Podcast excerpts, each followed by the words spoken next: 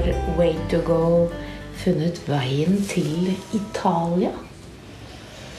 Jeg sitter her med Bjørn Moholt i kantinaen hans. Og nå skal du få høre litt om hva en kantina er for noe. Kanskje du vil fortelle det, Bjørn? Først så tror jeg vi skal litt, uh, sette litt lyd til hva det er for noe, ved å helle oppi et glass med noe drikke fra den nevnte kantina.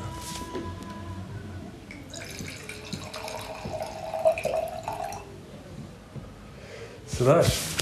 Dette er da en eh, type hvitvin. Vi aner egentlig ikke helt hva denne vinen er for noe, fordi at den fulgte med kantinaen jeg kjøpte i fjor. Men den heter da Est Est Est, som merket er jo godt kjent. Den lages i en eh, liten landsby, eller litt større landsby enn den der vi er nå, som heter Montefiascone. Eh, og eh, den får du solgt, får kjøpt på polet, faktisk. Men jeg tror ikke den varianten her er å få kjøpt i Norge. Skal vi prøve den først? Det kan vi gjøre. Det ser nesten litt skummelt ut. Den er veldig støvete flasker. Det fulgte jo med mange flasker med denne kantinaen, som vi snart skal fortelle hva er for noe. Oi, den var kjempegod. Hmm.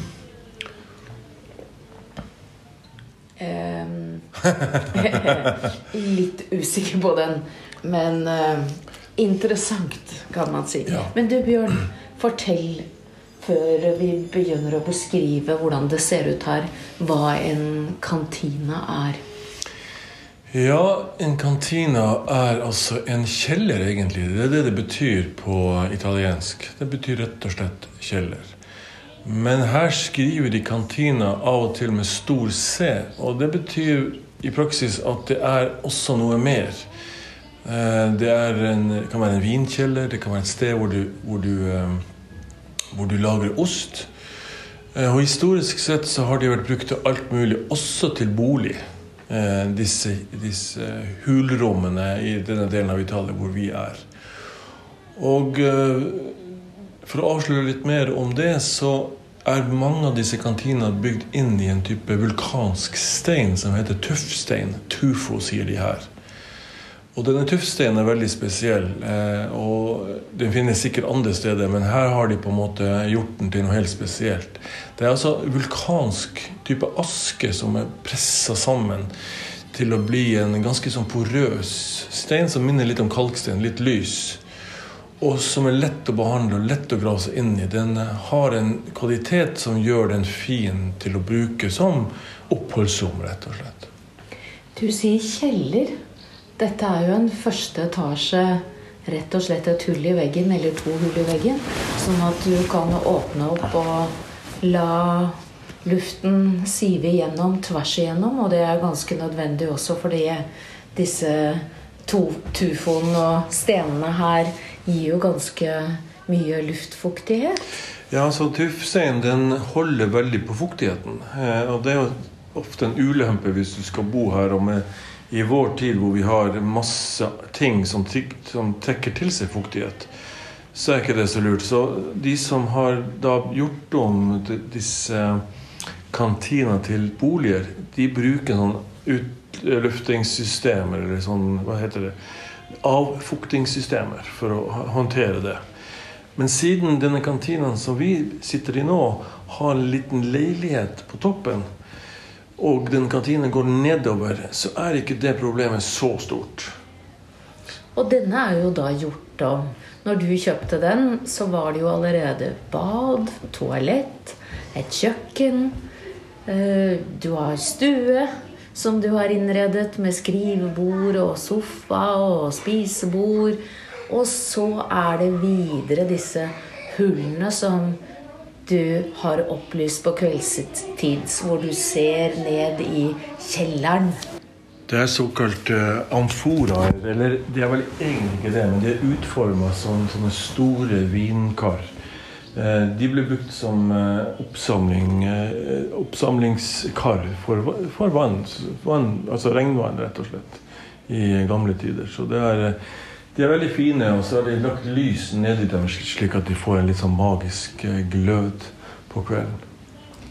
Det står også mange bilder på gulvet klare til å bli hengt opp. Bilder av ungdommen i byen. Du har involvert deg mye med de lokale og eh, snakket med de unge samtidig som du har tatt bilder av dem.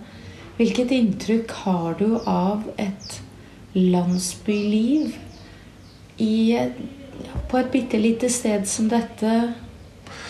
Ja, la oss spole litt tilbake, Lise.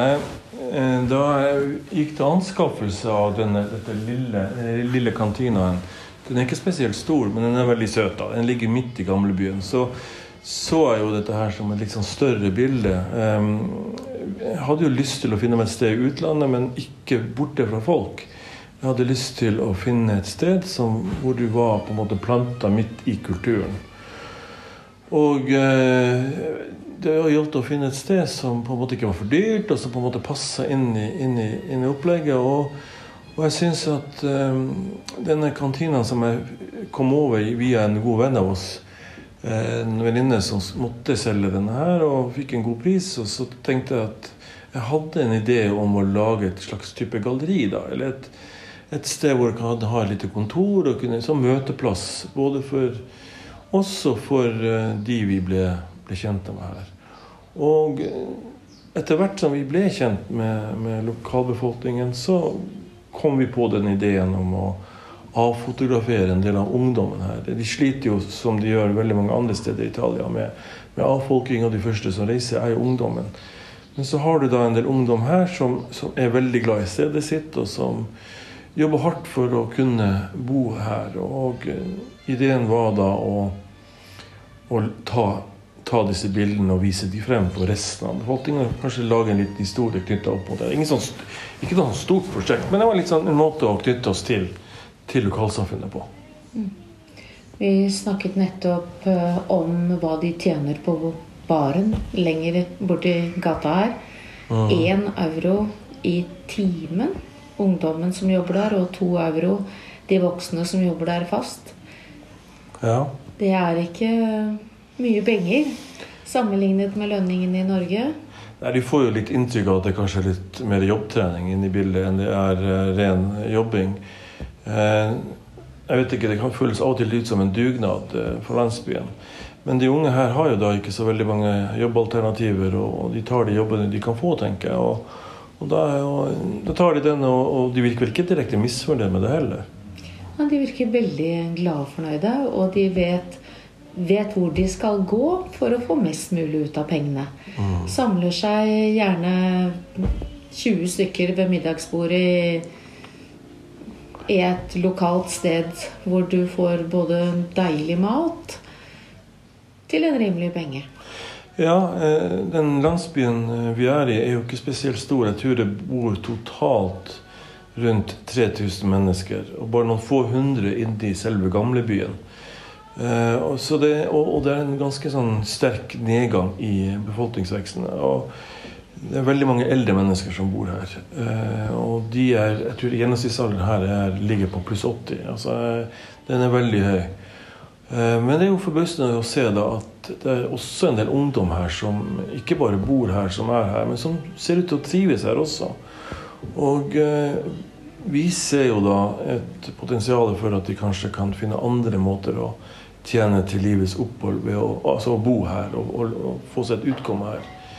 Eh, innenfor reiseliv, f.eks. Nå er jo det litt problematisk i disse dager, men, men eh, dette ønsker jo på en måte vi også å være kanskje med på. Litt på perifert, selvfølgelig, for at uh, vi tror på at uh, det er best at de finner ut av dette her selv. Men, uh, men det ligger muligheter her, også fordi at vi ikke er så langt fra, fra Roma. Du nevnte at det er veldig mange eldre i landsbyen.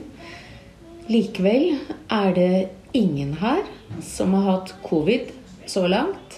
Og da heller ingen som har liv som har gått tapt pga. det. Og de er rørende, det samholdet som vi har vært vitne til her, og hvordan de har passet på sine eldre.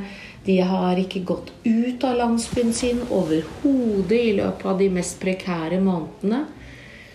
Og virkelig passet på hverandre. Og derfor ventet jo også vi lenge før vi dro hit denne gangen. Og mange ville kanskje ha sagt at vi ikke skulle ha reist i det hele tatt. Men da vi kom i august, så ble vi i hvert fall tatt vel imot. Fordi at de føler at de har det under kontroll her mer enn andre steder. Har du noen ord å si om det? Hvilket inntrykk har du fått av dette? Det som på en måte var tragedien i Italia da covid for alvor fikk feste, er jo nettopp dette her med at generasjonene er så nært knytta til hverandre. At unge og gamle eh, er sammen eh, hele tiden. De har disse storfamiliene, og de er veldig glad i hverandre. De omfavner hverandre, de klemmer hverandre, de tar på hverandre. Alle disse tingene her som føles stykket på vei vi i Norge har glemt litt. Vi plasserer de gamle på gamlehjem, og så distanserer vi oss fra dem. Så den, denne, dette fine med det italienske samfunnet, denne samhandlingen mellom generasjonene, ble plutselig en tragedie. Eh, og jeg tror at kanskje man da har sett dette her andre steder i landet, sånn som her vi er nå, at dette ønsket de allikevel å bevare. Og de bare låste, lukka eh, landsbyen fullstendig. Og for å unngå å få smitte her. Og det har de faktisk klart. Eh, så vidt vi vet, så har det ikke vært noe tilfelle her. Det har vært noen noen mil unna, men, men ikke her. For det ville ha fått dramatiske konsekvenser for denne, for denne landsbyen. Eh, også det som du sier, de har jo vært ungdommene rørende opptatt av akkurat det. Å ta vare på hverandre, og at ikke det skal skje her. Så de har vært, så vidt jeg kan se, veldig lojale i det prosjektet. Mm. Jeg vet også at eh, den jenta du har eh, bilde av på gulvet der, Linda, hun har eh, regelmessig gitt blod gjennom denne tiden for å hjelpe til på sykehus noen mil unna. Så samtidig som de har passet veldig på å holde seg her, som du sier, så har de likevel gjort samfunnsplikten sin, som hun sier. Mm. Men eh, hva nå? Hva videre? Har jo du spurt disse ungdommene om. Hvordan ser de på fremtiden?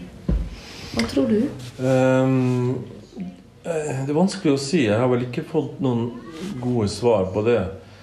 Eh, nå må jo de sitte og studere hjemmefra, faktisk. Og jeg har en følelse av at de har satt livene sine litt på vent her. I påvente av hva som skal skje videre, at man klarer å ri denne stormen av. Eh, så, så det er litt spesielt å se.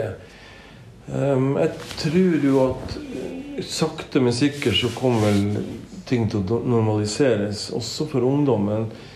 Men jeg ser jo det jeg snakker med dem om, er jo at covid har faktisk forandra det italienske samfunnet for generasjoner fremover, faktisk. Her som hjemme har det vært viktig å finne løsninger i en sånn tid. I går så var vi og spiste på en veldig hyggelig restaurant i byen, som vanligvis holder til innendørs. Da sa de når vi kom, vi skal føre dere til bordet deres. Og så begynte vi å gå i smale ganger og stier gjennom landsbyen og lurte på hva i all verden er dette for noe. Og så kom vi frem til en liten plass i nærheten av denne kantina. Mellom En En liten åpning mellom husene. En liten piazzetta, som de sier det. Ja, Hvor de da hadde satt opp parasoller og bord som sto skjevt rundt omkring.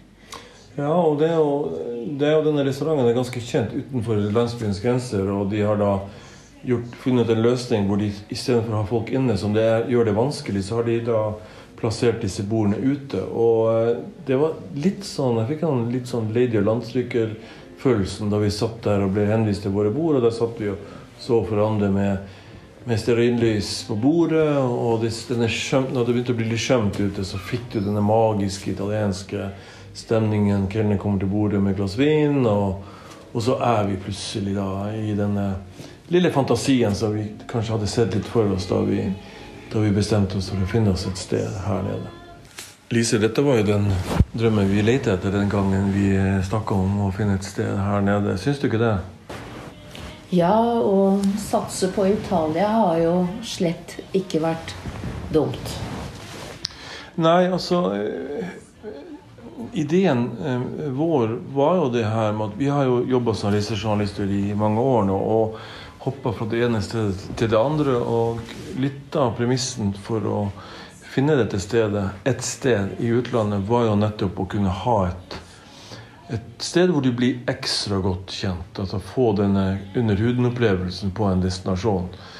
Istedenfor kanskje å gjøre sånn som vi har gjort, hoppa veldig mye fra det ene til det andre. I hvert fall var det sånn som jeg så det viktig, å ha den eh, dimensjonen til, til, eh, til dette her. Og det å komme under huden tar jo tid. Vi kan ikke språket ordentlig ennå. Det er ganske viktig. Så det er jo noe vi bare må fortsette med. Ja, og det er jo det som er litt så spennende, fordi vi begynner jo å bli litt opp i årene, må vi innrømme. Og, og denne utfordringen med å lære seg språk den er ikke blitt enklere med årene. Men samtidig er jo, er jo det noe som holder oss litt i gang. da, At vi, vi lærer oss å kommunisere og lærer oss språket gjennom å faktisk praktisere de få ordene vi kan. og Skritt for skritt så lærer vi stadig nye, nye ting. Og, og, eh, kultur ligger jo veldig mye i språket. Mm. Og, og, kultur er vel noe vi skal snakke litt mer om i de påfølgende podkastene. Kulturen her nede og generelt. Altså jeg tror at nettopp ved å oppleve en kultur sånn som vi gjør nå på nært hold, og det å, at vi tror vi kjenner den kulturen, vi har vært der før, men da på kortere opphold, det er ikke så enkelt. Men samtidig ekstremt fascinerende og spennende. Mm. Og der er det mye spennende å si, og mange tips å komme med. Og det har vi tenkt til å gjøre i kantinasøndagene, som vi har kalt podkastene fremover nå. At vi møtes igjen om en uke og hører litt om se litt tilbake på hva som har skjedd i den uken som har gått. Mm. Og nå har vi planer om både å besøke en vingård, og du skal ut og sykle i markene her og hilse på de svære hundene som pleier å glede seg til Yes. Så mange spennende ting på gang som vi kommer tilbake til neste Kantina-søndag. Ha det bra.